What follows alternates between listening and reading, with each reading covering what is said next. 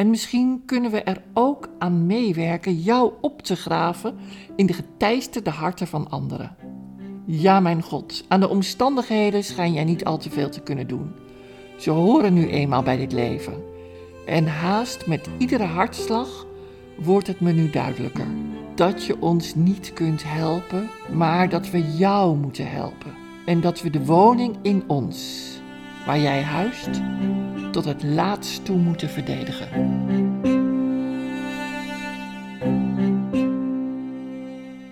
Welkom bij een nieuwe aflevering van Overleven Gesproken, een podcast van Ignis Webmagazine. Er liggen twee boeken voor ons, Veerkracht en Drijfveer. Twee keer spat het portret van Holkje van de Veer van het omslag af. In de periode tussen de boeken is ze ouder geworden. We concluderen dat de ouderdom haar goed staat. Holkje is een vrouw die zichzelf durft te laten zien. Ze is moedig, niet bang. Als ik afgelopen weken een van beide boeken ter hand nam en ik haar even recht aankeek, welde onherroepelijk een glimlach in mij op. Ik heb Holkje maar twee keer eerder gezien, als ik het mij goed herinner. Levenslustig, joviaal, zo kwam ze over. Ik zie haar nog het klooster van Husse uitlopen met een andere vrouw, naar de parkeerplaats, naar de auto. Een stok of een rollator, dat weet ik niet meer, ging de kofferbak in. En wat schetste mijn verbazing? Holkje stapt de auto in, gaat achter het stuur zitten en rijdt weg. Zij, dacht ik. Maar Holkje is toch gehandicapt? Holkje, welkom. Bedankt dat je eh, inging op deze uitnodiging voor dit gesprek. Dankjewel. Uh, sorry uh, uh, voor een beetje een ongemakkelijke intro misschien, maar ik wilde toch die anekdote even delen, omdat die volgens ja. mij wel te maken heeft met het thema van jouw nieuwste boek, Drijfveer, de angst voorbij. Nou, ja, dat weet ik niet, maar ouder worden heeft er wel mee te maken. Uh, ik, ik ben, ik word volgend jaar in oktober 60, dus zo oud ben ik nou nog niet, maar het is wel zo dat je concludeert dat je op een andere manier in het leven staat en andere dingen doet dan toen je twintig was. En uh, ik merk dat heel veel dingen die ik nog steeds graag doe, dat ik me sneller afvraag, zou ik dat nou wel doen? Of dat ik uh, ga organiseren, dat er iemand met me meegaat, mm -hmm. of dat ik mm -hmm. wat hulp nodig heb. Dus uh, ik voel sneller dat ik denk van, eigenlijk ben ik best wel bang.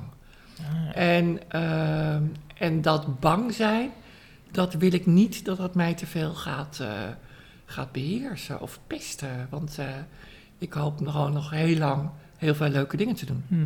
Ik, ik, dacht eigenlijk aan iets anders. Hm? Want um, kijk, mensen zien jou en ze zien ook meteen dat jij niet, nou, hoe moeten we dat nou omschrijven? Nou, ik, ik, ik loop een beetje zwalkerig, laten we het ja, zo dus zeggen. Dus dat valt Zonder dat ik daar op. alcohol voor nodig Ja. heb, gaan mijn benen doen niet altijd wat ik wil.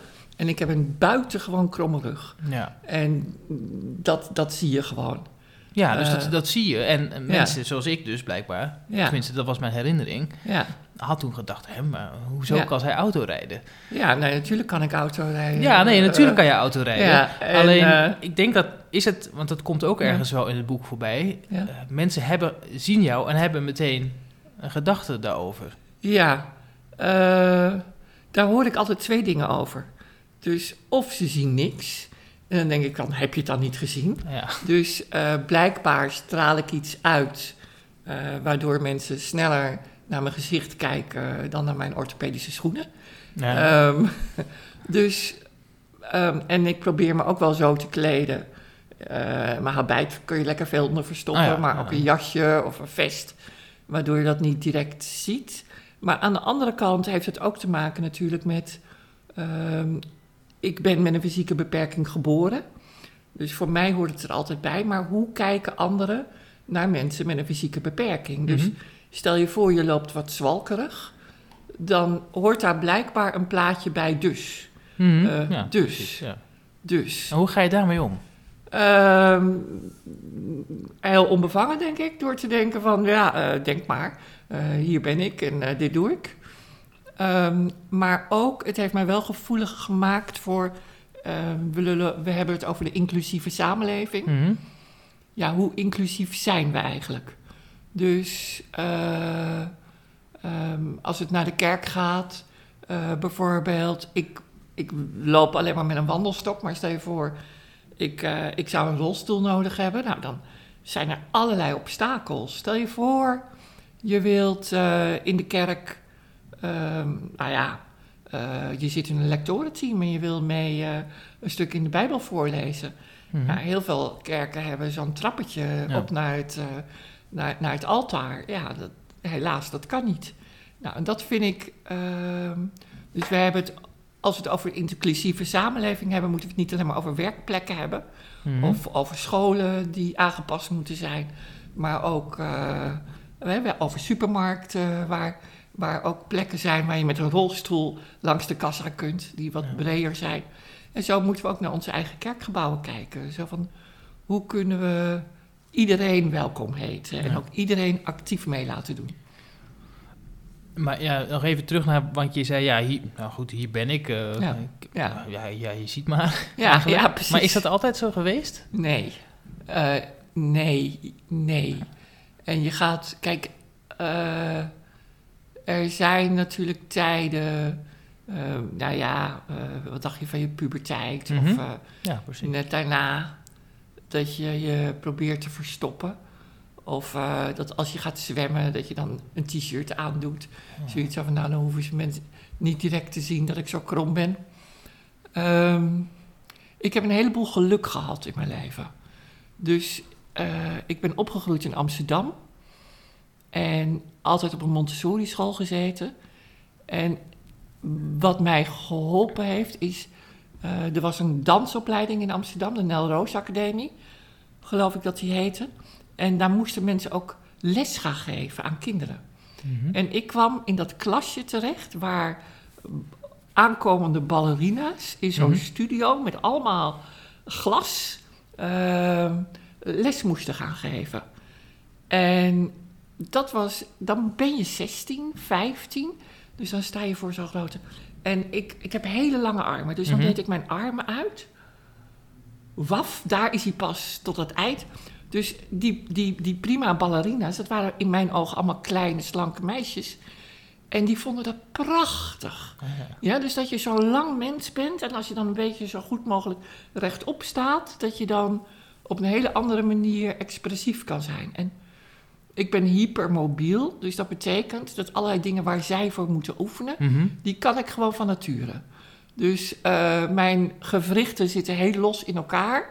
Dus ik kan echt alle kanten uit. Ja. En eh, dat, liep, ja, dat had bij hun ook zoiets allemaal. Oh, oh wat mooi. En, ehm, maar het ontbreekt mij aan spierkracht. Mhm. Ja, dus wat zij kunnen, waf, springen. En, nou, dat, dat kan ik dan weer niet. Maar wat ik daar in, juist in die gevoelige jaren van geleerd heb, is: ehm, je bent wie je bent. En ehm, kijk maar eens goed in die spiegel, want daar zitten ook hele mooie kanten aan. Mhm. Dus ik denk wel dat dat mij geholpen heeft in mijn zelfvertrouwen. Ja, ja. Maar dat is wel belangrijk. Wow, dus je moet maar net in een zachte en lieve omgeving komen. Die niet kijkt naar wat je allemaal niet kan, maar je ook helpt om te zien wat je wel zou kunnen. Nee, ja, ja. Ja, Ehm, jouw boek Drijfveer, De Angst Voorbij. Ja. Eh, ja, je had al een boek geschreven, Veerkracht, en daarvoor Verlangen als antwoord. ja. Waarom ten diepste heb je dit boek willen schrijven? Eh, voordat ik katholiek was, was ik doopsgezind. Mhm. En uh, doopsgezinden zijn een klein uh, protestants kerkgenootschap. Uh, met een Nederlandse reformator uh, uit de 17e eeuw. Um, en die hebben een hele hoge uh, ethiek, maar ook belangstelling voor pacifisme. Dus um, hoe kunnen we op zo'n manier samenleven? Hoe kun je zelf op zo'n manier samenleven dat geweld de wereld uitgaat? En um, uh, daarin ben ik echt groot gegroeid. Um, en ben ook al op vrij jonge leeftijd uh, uh, bijvoorbeeld in landen als Noord-Ierland en zo mm -hmm. geweest. En dan merk je dat waar het spannend wordt in het leven, dat mensen ook beginnen te zweten, want het is allemaal een beetje eng. Ja. En ehm, nou, dat vind ik wel eh, het, het tegenovergestelde van angst is vertrouwen. Ehm, en dat is een thema wat eigenlijk altijd bij me gebleven is. Dus ook in tijden dat ik zelf ziek was, maar ook in wat ik in de maatschappij zie gebeuren. Dus nog niet zo lang geleden werd er in Amsterdam een advocaat helaas neergeschoten. Vreselijk, vreselijk. En dan hoor je de journaals en de eerste reacties. En die gaat allemaal over meer beveiliging, meer beveiliging, meer camera's, meer beveiliging. Ja, en mijn vraag is: is dat nou werkelijk de oplossing voor geweld in onze samenleving? En, ehm, dus, en dat wil niet zeggen dat ik de antwoorden weet, maar wees niet bang, vind ik daarmee wel een belangrijke oproep. Zo van: eh, als we onze maatschappij volgaan, vol, we kunnen al op alle straathoeken op een gegeven moment uh, camera's neerzetten. Mhm. Uh, we hebben nog nooit zoveel politie gehad en beveiligingsmensen in onze samenleving dan momenteel. We kunnen elke dag gaan roepen, er moeten meer komen. Maar of dat onze samenleving uiteindelijk ook veiliger maakt, Ja, daar heb angst, ik mijn twijfels ja, en of het de angst eh, Ja, bestrijdt. ja, Ja. ja. En, en, en waarom dan dit boek? Dit boek is, omdat het een, een, een Wees niet bang is voor mij eh, eh, iets waar, waar ik gewoon als vanzelf over nadenk. En eh, ik zoek altijd naar thema's die dicht bij mezelf liggen. Mhm. En dat is niet omdat ik zelf bijzonder zou zijn, maar dat is juist omdat ik mezelf niet zo bijzonder vind. Mhm. En ik verwacht dat dat voor anderen ook een belangrijk thema zal zijn. Angst. De angst nou, voorbij. bang zijn, ja. Bang zijn. En eh, Is dat iets anders? Bang zijn en angst? Nee, want het is wel hetzelfde woord, maar ik vind angst al nog veel groter. Ja. Eh, men, dat zijn, weet je, één op de vijf Nederlanders heeft, eh, heeft echt angstproblemen. Oh Dus ja? die, durven, die durven de straat niet op of moeten de hele dag hun handen poetsen. Of, ja, dus Eén op de vijf. Dus bijna op de in ieder vijf. gezin iemand. ja, ja dus eh, er is nu ook een grote landelijke campagne. campagne hey, eh, eh, hey, het is oké. Oké. En het idee is, praat erover. Mhm. En nou ja, dat, dat. Ja, dus, maar ik heb het over gewoon de. Dus niet de angst die, die, die je echt beperkt, Mhm. maar gewoon de angst die sowieso in de samenleving is. Dus wij zitten hier in het Dominicanenklooster. Het giet buiten.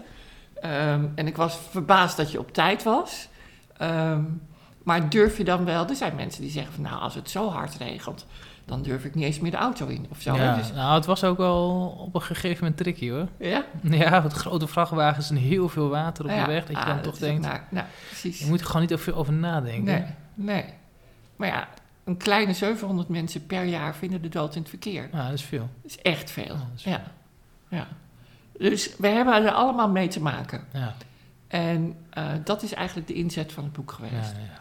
En ik ben natuurlijk een christen, dus eh, het is een heel belangrijk bijbelsthema. Ja. En, ja, omdat het een heel belangrijk menselijk thema is, gaat de. Bijbel daar natuurlijk mee. Ja, maar de ik denk dat het, bij, dat het echt het hoofdthema van de Bijbel is. Vertrouwen. Ja, en wees niet bang. Ja. Ja. Ik denk dat eh, eh, dat. dat hè, als we. God, aan God kun je vele namen geven. Maar je zou hem ook kunnen. Je zou hem ook kunnen, een naam kunnen geven, wees niet bang. Ah, Ja. ja. ik denk dat eh, als het goed is, als het, althans voor, voor mij, leef ik met een God die mij een duwtje in de rug geeft. Kom op, Hulk. Ja? Blijf niet thuis zitten. eh, eh, doe het maar. Maak het maar mee. Wees niet bang. Ja? Ga maar. Mhm. En ik denk dat dan, ja, in welke omstandigheid hij je ook bevindt, eh, leven met een God die van mensen houdt en, en, en trouw is en, en, en wil ondersteunen. Ja, De, de hoofdvraag van het boek, Ja? ehm, Wat helpt om opener en met lef in vrijheid en vertrouwen stoer in het leven te staan? Nou, doe eens een schot voor de boeg. Wat helpt? Wat ik eerder zei, al, ik, ik ben een gelovige vrouw. Ik ben christen, ik ben katholiek, ik ben een dominicanes, ik ben een zuster. Ik heb daar echt voor gekozen om dat Mhm. tot de core business van mijn leven te maken. Tot het hart van het bestaan. En voor mij helpt dat. Ehm, Christen zijn. Ja. Hm. Hokje, je bent de eerste niet, je bent waarschijnlijk de laatste niet. En weet, er wordt sowieso van je gehouden. En eh, zeg eerst maar ja voordat je nee zegt. Ja. Het is heel makkelijk om nee te zeggen. Dus ik werd laatst gevraagd eh, eh, vanuit de orde. er- we gaan een project doen met cabaretiers. Ja. En we, gaan, we hebben vier cabaretiers. We zoeken nu vier mensen Mhm. uit de Dominicanenorde. We willen graag dat jij daar meedoet. En dan is het heel makkelijk om te zeggen van... oh, cabaretiers, nee hè, moet ik op podium. Eh, oh jee, cabaretiers, die willen altijd de kerk af. eh. Ja. Eh, oh, ja, dus het is heel makkelijk om te zeggen van... nou, doe ik dus niet. Dat weet ik niet. en het is veel spannender om te zeggen van... nou, laat ik maar ja zeggen. Kijken wat er van komt. En dan moet ik zelf ook oefeningen in doen. Zo Mhm. van even mijn nee wegschuiven om een ja. Eh, en mezelf dan maar ook maar te geven en te vertrouwen. En het is een prachtig project geworden. En wees niet bang is, eh, je zei het al, ah, dat had eigenlijk net zo goed de titel kunnen zijn van het boek. Ja, had ik ook graag gewild, maar er waren al meer boeken met Wees niet bang Oh, als titel. eh, ah, ja. Ja, ja. ja.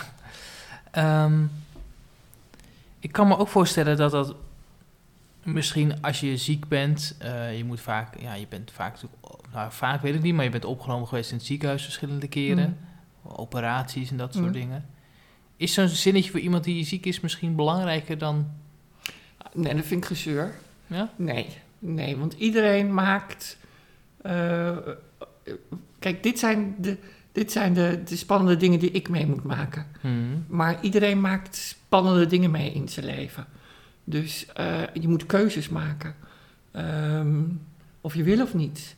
Eh, voor een opleiding, voor een partner, misschien voor kinderen of wat dan ook. We staan allemaal voor keuzes. Mhm. En eh, dus ehm, het is wel zo dat het syndroom van Marfan eh, is een bindweefsel, is een Nou, dat aangeboren dat afwijking. eventjes voor de duidelijkheid, Ja. dat is het syndroom dat je Ja. al hebt sinds je Ja. geboorte. Ja, Marfan. dus het is een genetische eh, aandoening. En ehm, wat gevolgen heeft voor het bindweefsel, Mhm. al het bindweefsel. Wat betekent Dus dat concreet? Daardoor is, heb ik een bepaalde skeletbouw. En, maar ook, ehm, eh, het heeft gevolgen ook voor het hart en de aorta. Dus eh, daar ben ik een keer aan geopereerd. Dat, natuurlijk, dat zijn grote dingen. Ja. En je leeft, je hebt op jonge leeftijd ehm, ja, leren na, meegemaakt dat het allemaal niet vanzelfsprekend is.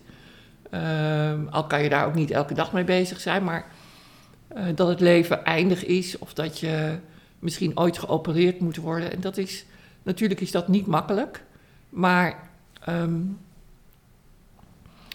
eh, ik heb een, een, keer, een hele nare, eh, dat noemen ze een aneurysma, dus een, een, een, echt een, een, een, plek in mijn aorta gehad die, die, die kapot was, dus waar echt snel aan geopereerd moest worden.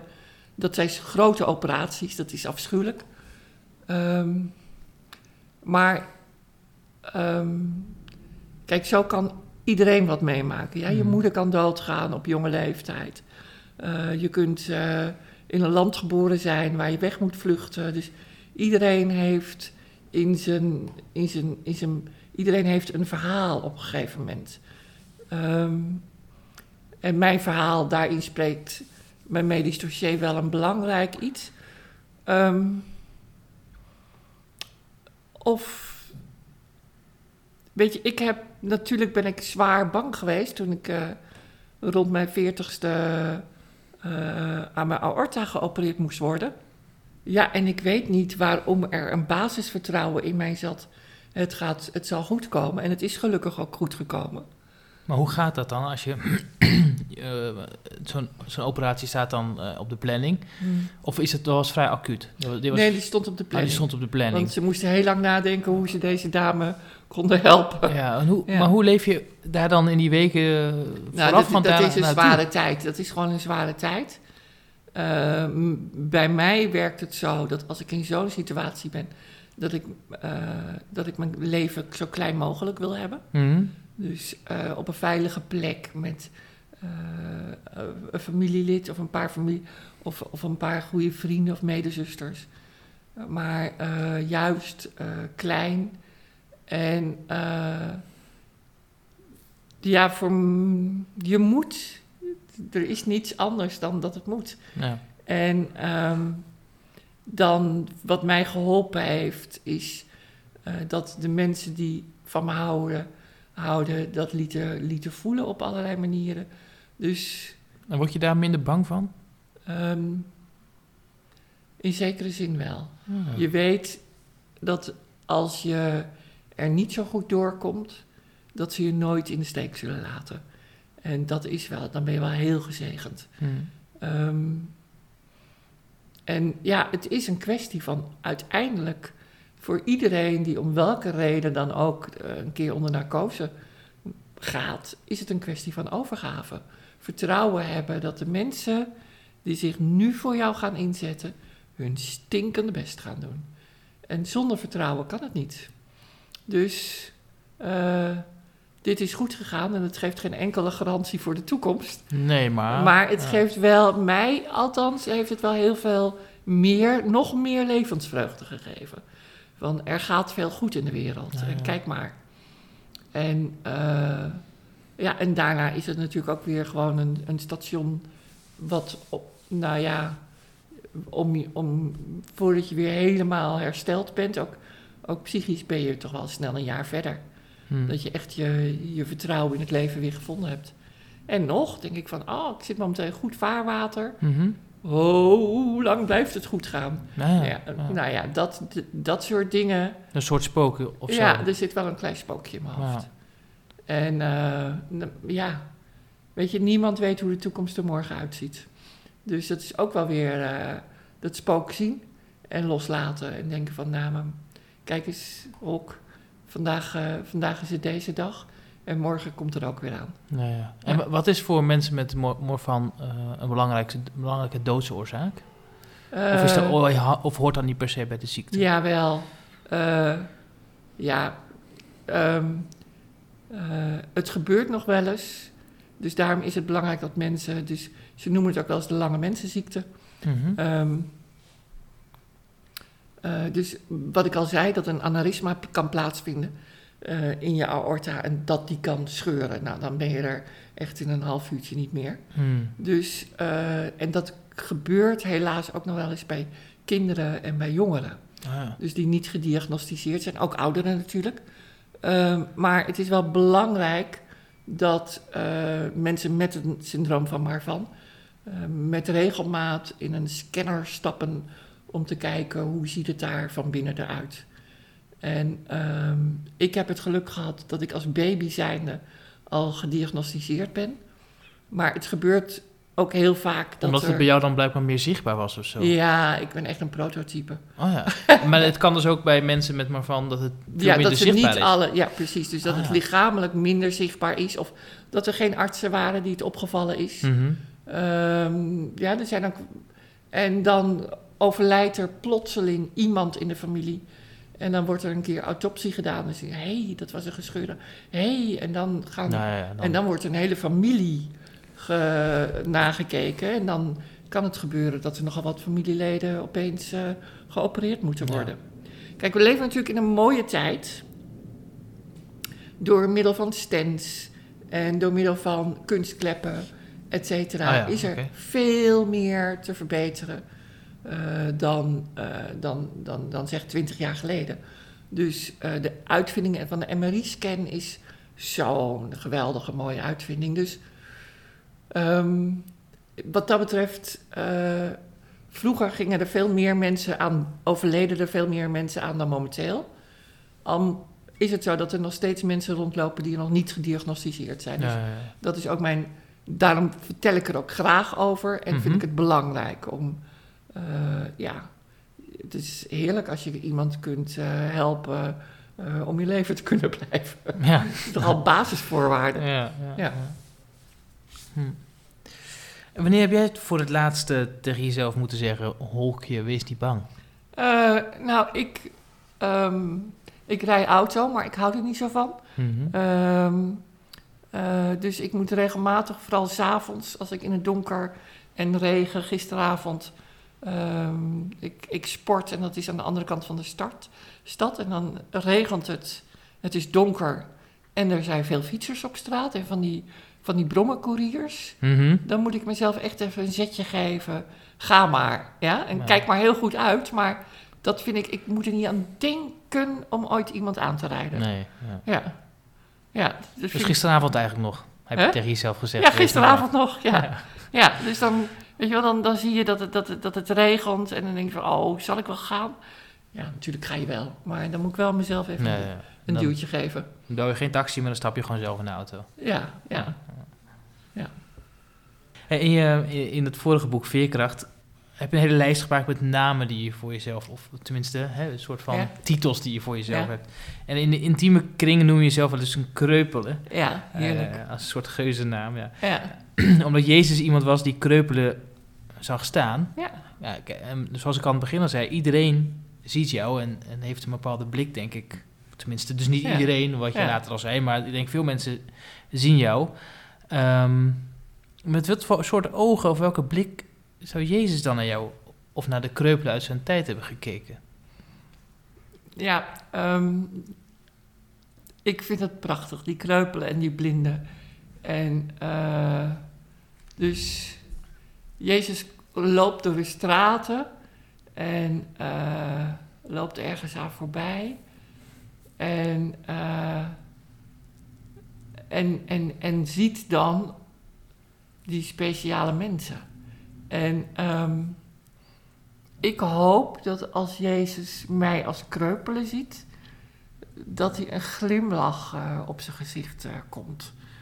En zoiets heeft van, ehm, dat komt wel goed met jou. Ja, met, en ik denk dat dat, en dat komt wel goed met jou, is dat het kreupelen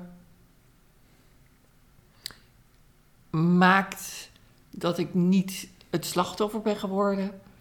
Eh, ik hoef dus niks. Eh, ik kan hier blijven zitten. Eh, de wereld komt wel naar mij toe als ik dat vraag. Maar verder kan ik mij verschuilen achter, achter mijn kreupel zijn. En eh, de wereld draait om mij. Eh, ik moet als eerste geholpen worden, want ik ben, ja. Maar dat, ehm, dat je ziet zo van, ondanks de beperking die je hebt, Mhm. ja, dat maakt eigenlijk niet zoveel uit, want je maakt, je, je weet wat, eh, je weet wat van je leven te maken. Dus je weet uit, je, je weet uit het kleine wereldje van beschermd gehandicapten bestaan, weet je uit te breken in een wereld waarin je betekenisvol bent voor anderen. En, eh, en dat, vind ik, dat vind ik zelf het belangrijkste. Ja, ik weet wat een beperking is. Maar ik, hè, ze zeggen dan, ik ben mijn beperking niet geworden.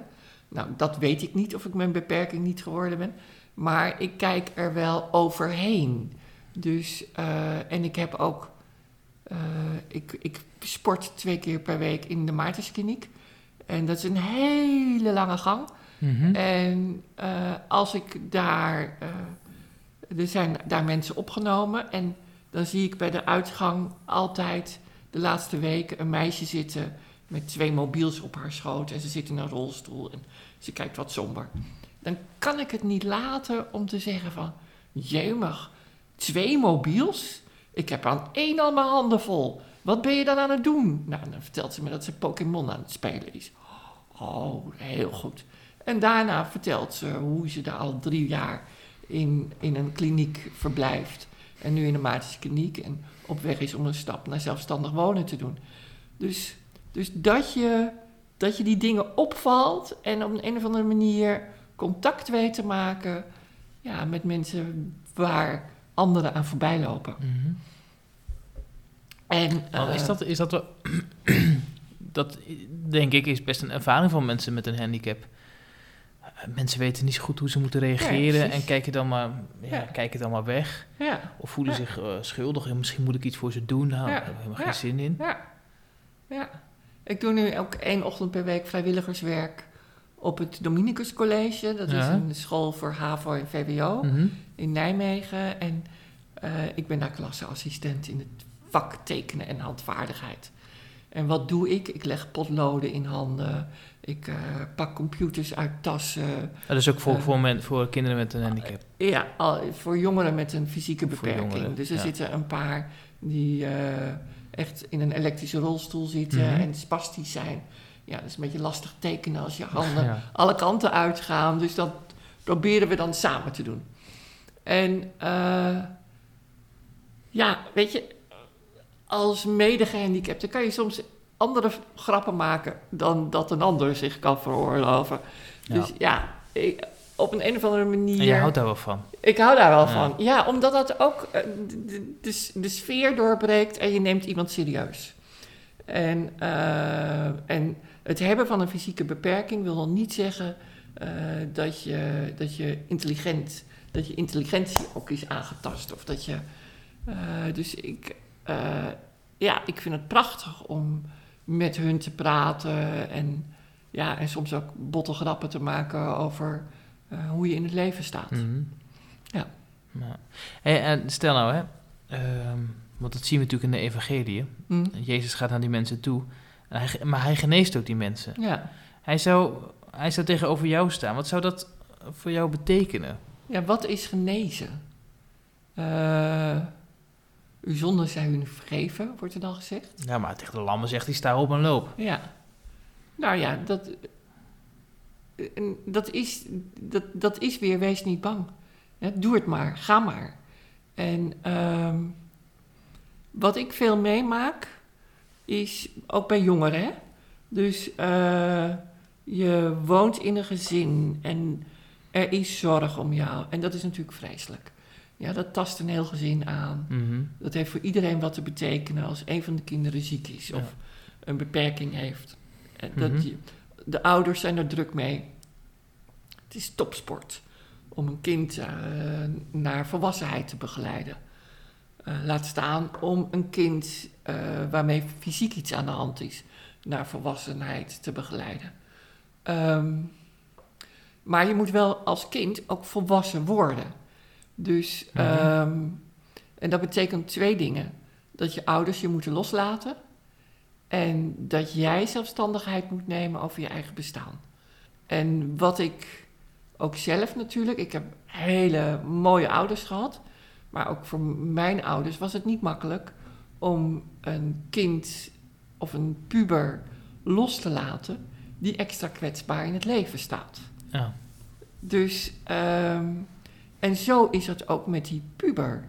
Ja, dus ehm, als ik eh, in een rolstoel zit, dan kan ik mijn hele leven zeggen: mijn ouders moeten ervoor zorgen dat mijn bandjes opgepompt zijn.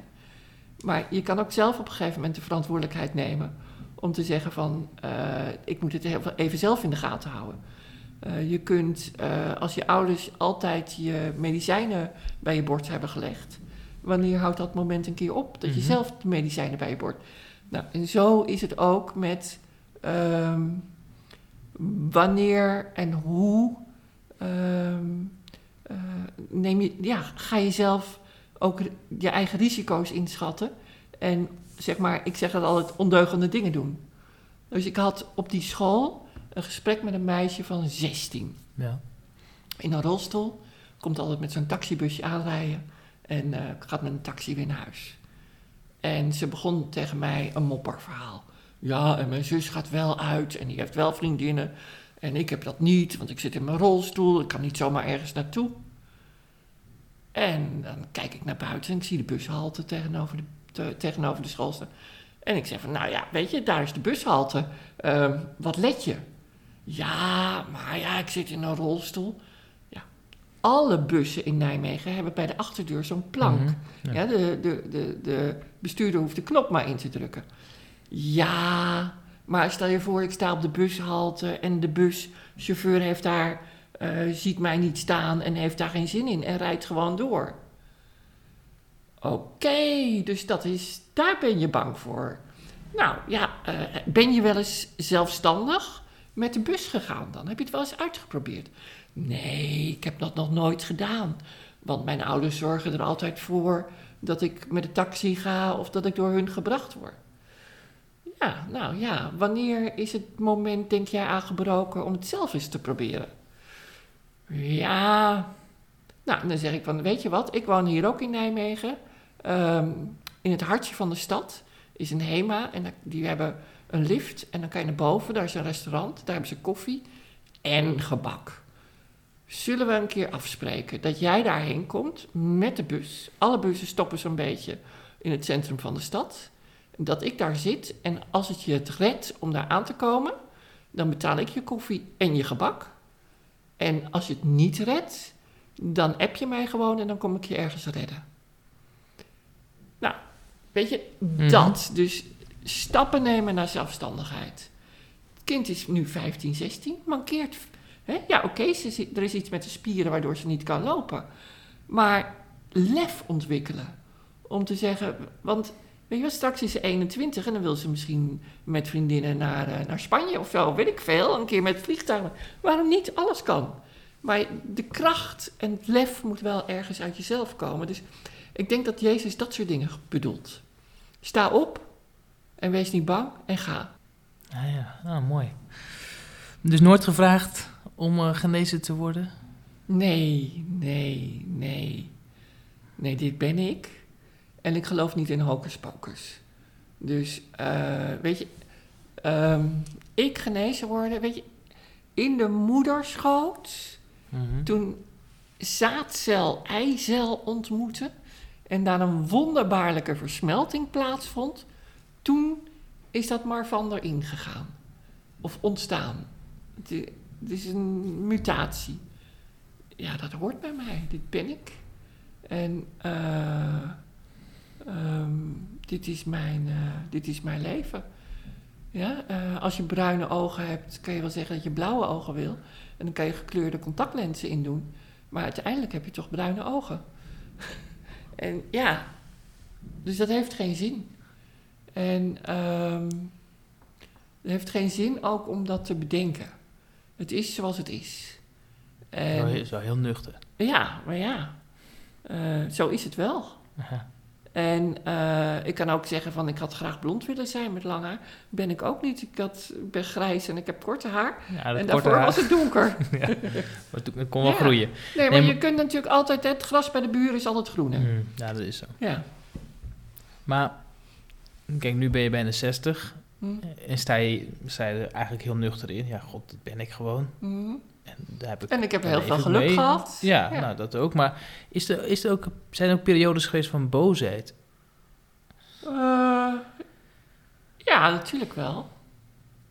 Of jaloezie.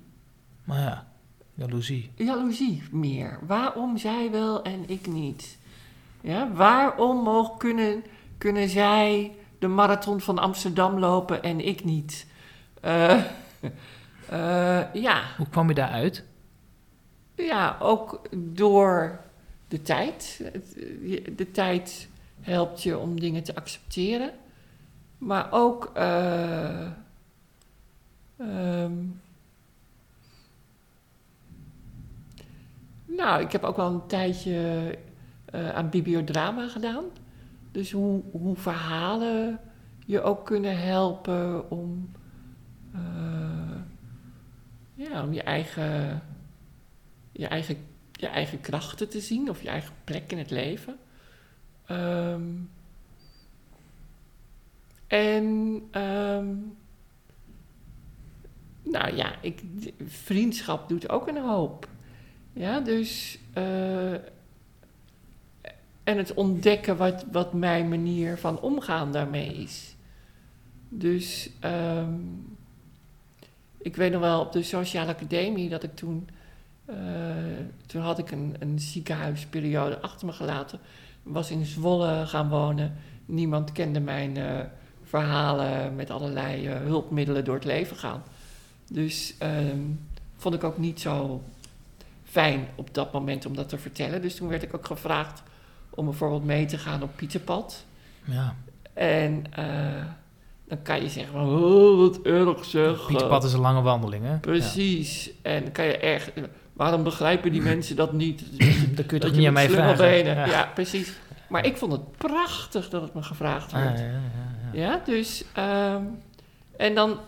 Maar ook zoiets van. Ik, ik, ik hoor dus net zo bij jullie Mhm. als jullie zelf. Jullie. Ze zien dus mijn- ook blijkbaar... Het is niet mijn beperking die als eerste altijd in de communicatie mee. Precies, eh. En daarna is het ook de opdracht van als ik het fijn vind om mee te gaan, hoe kan ik op mijn manier meegaan? Dus ik heb, ben daarna mijn rijbewijs gaan halen. Ah. En eh, gezegd, oké, ik ga mee, maar dan ben ik degene die de bagage vervoert in mijn auto. Ja, nou, dan ben je ook heel erg welkom hoor. ja, en eh, de boodschappen overdag doet enzovoort. Ja, dus je moet ook, het vergt ook een bepaalde creativiteit. Het vraagt creativiteit. En dat maakt ook En dat ook je geloof dat je denkt dat je de dingen wel kunt oplossen. Of vertrouwen in jezelf. Vertrouwen in jezelf en vertrouwen dat andere mensen jou ook goed vinden als je niet doet of niet kunt wat zij kunnen. Mhm. Maar het waardevol vinden om eh, met je mee te blijven doen. Want dat is denk ik de angst van heel veel mensen met een beperking, dat ze buitengesloten worden. Dus ik had het al eerder over de, de inclusieve samenleving. Het is eh, niks schrijnender dan te zeggen, jij hoort hier niet thuis, want eh, wij, hebben, wij hebben ons huis zo ingericht dat jij niet eh, bij ons langs kan komen. En dat, dat is heel erg. Dus eh, Maar het is ook al heel... eh, ja, dat, dat is natuurlijk heel erg. Maar als in, een, in het geval wat je net... Of in het voorval wat je net benoemt... is dat je, je wordt ook buitengesloten als een groep vrienden besluit het Pieterpad te lopen... en ze jou überhaupt niet uitnodigen.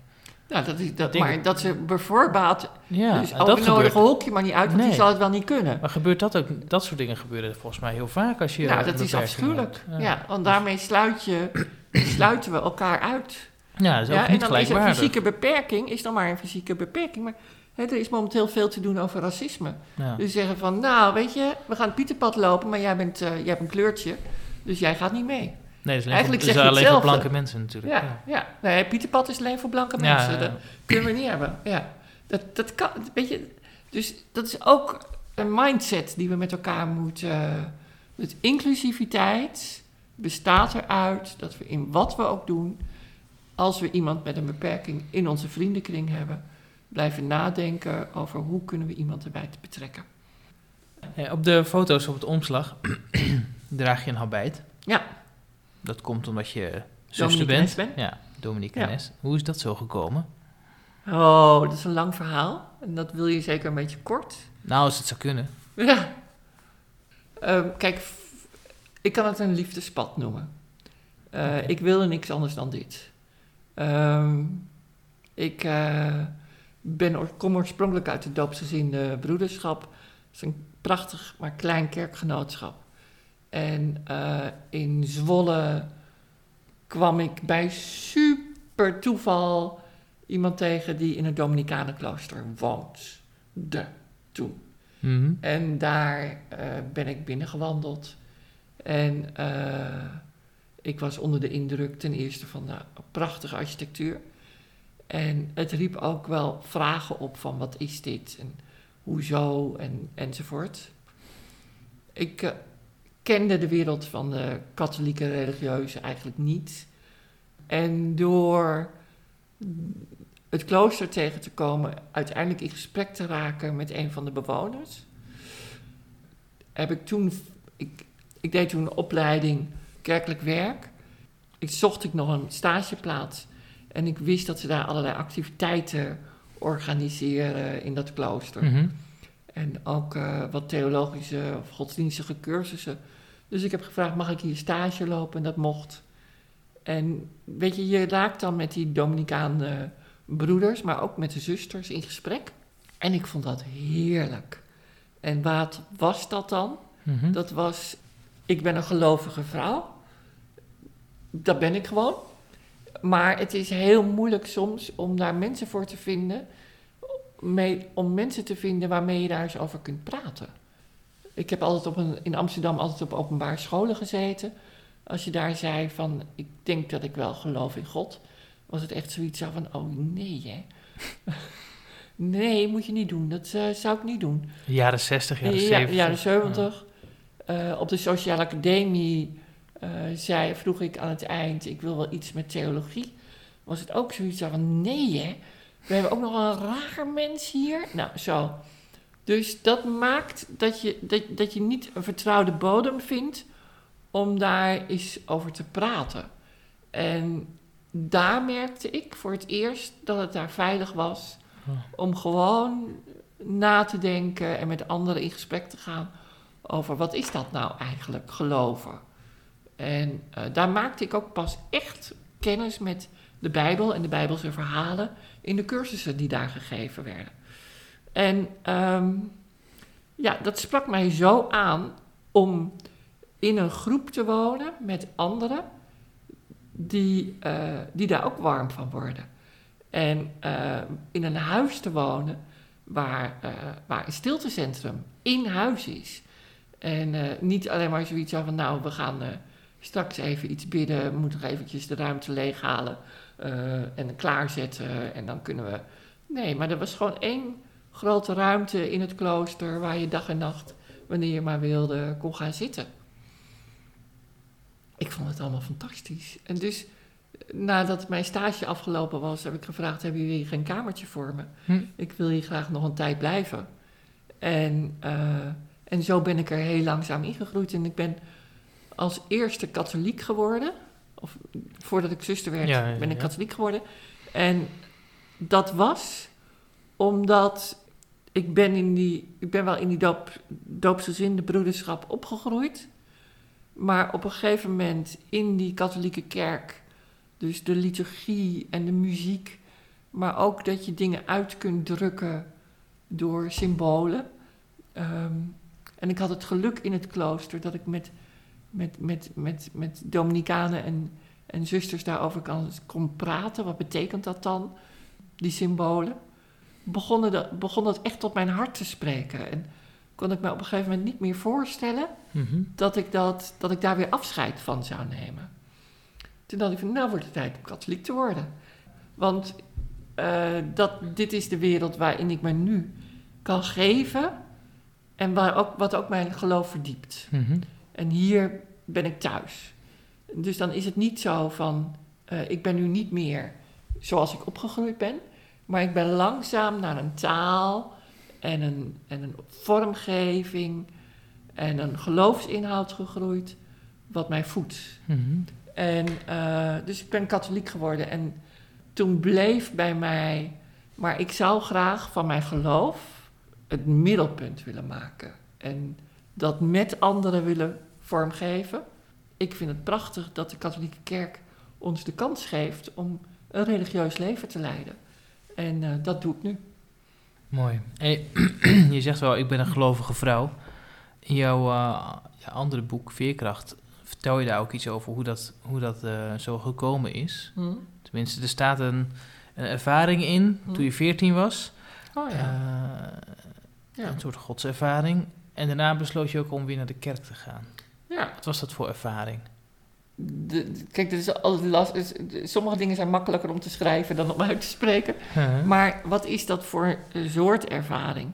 Voor mij was het een ervaring waarvan ik kan zeggen: het heeft mijn leven veranderd. Nou, wat En, gebeurde er? Hoe- ehm, hoe, hoe zag het Nou, eruit? niks bijzonders. Dus, ehm, Nou, eh, nou ja, ik, ik- het, het ging op dat moment, was er veel zorg om mij heen. mhm.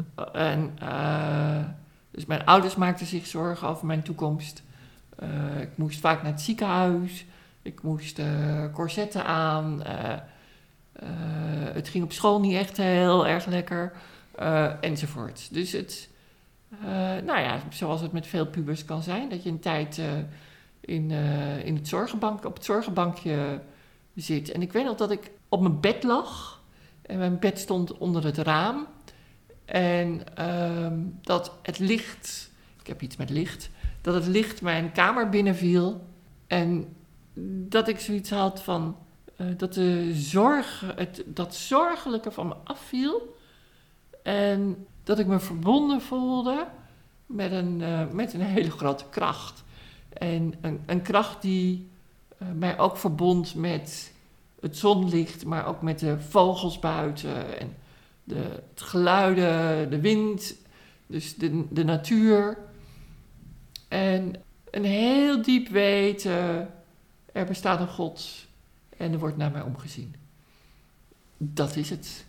En ehm, ja, ik wilde zelf graag naar de kerk en ik begreep er niet zoveel van. Je hebt in Amsterdam de Krijtberg, sommige mensen kennen die plek. Hm. Een paar huizen verderop is de prachtige Doopselzindenkerk. Het alleen maar in die ruimte zijn. En mijn vader ging dan vaak met me mee. Eh, dus dan zat ik naast mijn vader. En uh, zijn heel erg van het woord. Dus er wordt gepreekt. Dus en vaak keek ik alleen maar naar hoe vaak de dominee de bril op en afdeed. En ik snapte hè, wat er precies verkondigd werd. Maar ik voelde dat de sfeer in die kerk daarmee verbonden had. Verbonden was. Maar ook het licht uit die ramen. Mhm. Ik denk vooral wat mijn hart raakte, was de zegenbeden aan het eind van de, van de, van de kerkdienst. De Heer zegene en bewaren ons. Dus dat je, ja, een heile, een, een moment dat je, ja, dat je een beetje van je stoel opgelicht wordt. Ja. Dat je weer terug de wereld ingestuurd wordt. En weet wel, je bent er gezegend. We zijn gezegend. En dat is zo'n ervaring toen je 14 was. Is dat iets wat, wat vaker terug is gekeerd? Ja, dat is wel vaker teruggekeerd. Ja, maar wel altijd.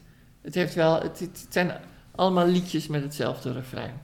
Ja, dus eh, ik vind nog steeds de zegenbeden helemaal fantastisch. Ja, we moeten elkaar vooral veel zegenen. En, eh, want we hebben een opdracht in de wereld. We hebben een opdracht om te leven. En we hebben een opdracht om de wereld waarin we leven met goedheid en met, met, met toekomst en met, met hoop tegemoet te gaan. Hm. Dit is een mooi bruggetje naar het eh, laatste Hm. onderwerp. Etty Hillesum Ja, eh, krijgt eh, in jouw boek Drijfveer het laatste woord. het laatste woord. Ja, Ja. En niet voor niks, want het boek gaat uiteindelijk over angst Ja, en leven en vertrouwen. Dat er, weet je, het Hillesum, eh, eh, ja, ik vind het mooi dat het een, eh, ze- het is een Nederlandse vrouw, eh, maar ook God, een, een godgewijd leven, zoals we Mhm. dat noemen, kan mensen tot hele bijzondere dingen brengen. En we hebben natuurlijk de traditie van de heiligen, ja, en net zoals die pater in Homs, Mhm, die Frans daar gebleven is, precies. Ehm, dat, dat, dat, dat is natuurlijk al waanzinnig. Ja, en zo eh, zijn er veel meer voorbeelden. Maar er zijn ook vrouwen en mannen die eh, door God gedreven of uit Gods liefde juist hun veilige plek verlieten. En daar is zij een voorbeeld van. En Ja. zij kan het mooier verwoorden dan ik. Dus eh, waarom zou ik het zelf doen? Nee, ja, ja, ja. Ja, wat gaat over... Eén één klein citaatje gaat eraan vooraf. Dat komt ook terug in het langere citaat... eh, wat je Mhm. straks eh, gaat voorlezen... en waar je boek ook mee eindigt. Maar het gaat over meewerken... helpen om jouw God op te graven in de geteisten geteisterde harten. Ja. van anderen. Ja. En waarom raakt dat jou zo? Omdat ik zoveel geteisterde harten zie. Ja? Ja, en die zie ik heel dichtbij al. Er zijn heel veel mensen die, eh, nou wees niet bang, kunnen gebruiken. Mijn congregatie is in Nijmegen. Eh, we wonen eigenlijk allemaal achter een eigen voordeur. Eh, ik woon eh, vanwege mijn beperking in een, in een appartementengebouw met allemaal mensen die veelal senioren zijn, maar die allemaal een fysieke beperking hebben. Het huis is daarop ingericht. En ik kwam daar wonen toen iedereen kwam nieuw. Mhm. En ik was verbaasd hoe snel er conflicten kunnen ontstaan. Dus eh, op mijn etage zijn acht voordeuren. Ja. En eh, mevrouw van de ene hoek met de mevrouw van de andere hoek heeft dan opeens zomaar geschillen met elkaar. Dus dan vraag ik, ja, maar wat is er dan aan de hand? En dan, ja, nou, ik stond in de lift en eh, toen keek zij in mijn, in mijn tas en zag zomaar dat er twee pakken melk lagen. Ja, wat doet dat mens in mijn tas kijken zo? Het is zo makkelijk dat mensen elkaar niet verstaan. Ja, ze zouden ook de beste vriendinnen kunnen zijn. Mhm. En eh, gezelligheid aan elkaar kunnen hebben. En eh, misschien wel mooie dingen kunnen bedenken voor de rest van de flat. Maar nee, dat zit bozig achter hun eigen voordeuren. Want. Ja, en dan denk ik, ach, wat jammer. Mhm. Ja, dus dat vind ik al eigenlijk een geteisterd hart. Ja, Ja, waarom heb je het nodig? Het gaat meer achter schel. Ja, wa- wat is er met jou in jouw leven gebeurd dat jij zo zuur eh, Mhm. op je oude dag eh, achter een voordeur zit? Ja. En wat is dan eh, ja, God opgraven? Nou, dus voor mij is dat, pro- ik probeer contact te leggen Mhm. op een, een of andere manier. Dus wel in alle bescheidenheid, maar de deuren open te krijgen. Dus ik kan bij ieder mens, weet ik nu een beetje. En dat mensen met vertrouwen kunnen beleven waar ze leven. Eh, en, en dingen ook aan te kaarten. Eh, laatst viel bij ons de elektriciteit uit. Mijn buurman is 93 Mhm. en is niet erg handig in de communicatie. Dus we stonden allemaal zo op de galerij. En die buurman die deed op een gegeven moment zijn deur open. De anderen zeiden van, die gaan we niet helpen hoor. Dat is zo'n rare man. En ik had bij mezelf zoiets van, oh. Dus ik liep daar naartoe. Ik zei van, weet je, het, het stroom is uitgevallen, maar dat is in de hele wijk. Er is niets bijzonders aan de hand. Ga terug naar bed. Laat je deur maar op een kier. Ik bewaak hier wel eh, de galerij. Als er wat echt iets is waarvan ik denk van, we moeten je hier weghalen, dan roep ik je onmiddellijk. En die anderen keken me aan, waarom ben je nou zo aardig tegen die man? En ik denk van, dit is alleen maar medemenselijkheid. Ja. Wat was je vraag? Hoe Thijs je... Nou, dat, met voorbeelden. Ah. Ook met voorbeelden, met praktisch doen. Mhm. En ook aan hun, ja, toch vragen als je ze ziet. Goh, hoe is het nou? Nou, en dan hoor je, ja, het is niet goed. Ik heb pijn in mijn rug en ik ga volgende week naar de dokter. En die heeft me doorverwezen naar de weet ik veel. Nou, en niet dat ik de pastoor van de afdeling wil zijn, maar wel een goede buur. Dus als ik diegene weer tegenzie, te- tegenkom, dan... Hè, en of ik bel even aan. Of, ja, weet je, bij Albert Heijn, hè, dat, ik wil niet reclame maken, maar bij mijn Albert Heijn zijn er soms twee bossen bloemen voor de prijs van één. Nou, dan neem ik er twee mee. En, en dan kan ik die twee kan ik natuurlijk in mijn eigen huisje op de vaas zetten. Ik kan ook met het tweede bosje bloemen naar mijn buren lopen. En zeggen van, kijk, Albert Heijn had twee bosjes bloemen voor één. Hoe is het nou eigenlijk eh, afgelopen bij die dokter? Nou, dan... eh, ik probeer die gesprekken niet uren te laten duren, maar weet je, Mhm. het idee dat je gezien bent, Ja. daar gaat het om. Etty Hillesum dan, eh, voor wie het niet weet, komt uit een Joods gezin. Haar ouders waren volgens mij niet buitengewoon eh gelovig. Mm. eh, hebben zich ook uitgeschreven uiteindelijk Ja. uit de, bij de sy- synagoge. Maar zij kwam toch op het spoor van God. Ja, Heeft dagboeken geschreven. ja. Ook eh, eigenlijk uh, geestelijk begeleider die, eh, ja, die raadde haar dat aan. Ehm, groeit op in de oorlog, is dan ja, begin twintig denk ik. Werd vermoord in Auschwitz, waarschijnlijk op 30 november 1943. Mhm.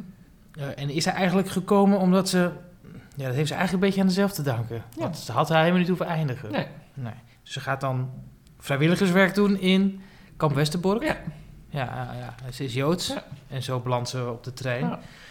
En dan schrijft ze... En jij mag zo de tekst eh, voorlezen. Op 12 juli 1942. Eh, dus dat is eh, ruim een jaar voordat ze Mhm. wordt vermoord. Ja, nou, schrijft ze het volgende. En dat heeft te maken ook met, nou ja, met, dat hoeven we niet uit te leggen, denk ik, Mhm. dat dit te maken heeft met angst. Ja. En leven voorbij de angst ook. Ja, precies. Het zijn bange tijden, mijn God. Vannacht was het voor het eerst dat ik met brandende ogen slapeloos in het donker lag en vele beelden van menselijk lijden langs mij heen trokken. Ik zal je één ding beloven, God. Eén kleinigheidje maar. Ik zal mijn zorgen voor de toekomst niet als even zoveel zwaargewichten aan de dag van heden hangen. Maar dat kost een zekere oefening. Iedere dag heeft nu aan zichzelf genoeg. Ik zal je helpen, God, dat je het niet in mij begeeft. maar ik kan tevoren nergens voor instaan. Maar dit ene wordt me steeds duidelijker: dat jij ons niet kunt helpen, maar dat wij jou moeten helpen. En door dat laatste helpen we ook onszelf. En dat is het enige dat we in deze tijd kunnen redden en ook het enige waar het op aankomt. Een stukje van jou in onszelf, God. En misschien kunnen we er ook aan meewerken jou op te graven in de geteisterde harten van anderen. Ja, mijn God, aan de omstandigheden schijn jij niet al te veel te kunnen doen. Ze horen nu eenmaal bij dit leven. Ik roep je er ook niet voor verantwoordelijk. Jij mag daar later ons voor ter verantwoording roepen. En haast met iedere hartslag wordt het me nu duidelijker dat je ons niet kunt helpen, maar dat we jou moeten helpen. En dat we de woning in ons, waar jij huist, tot het laatst toe moeten verdedigen.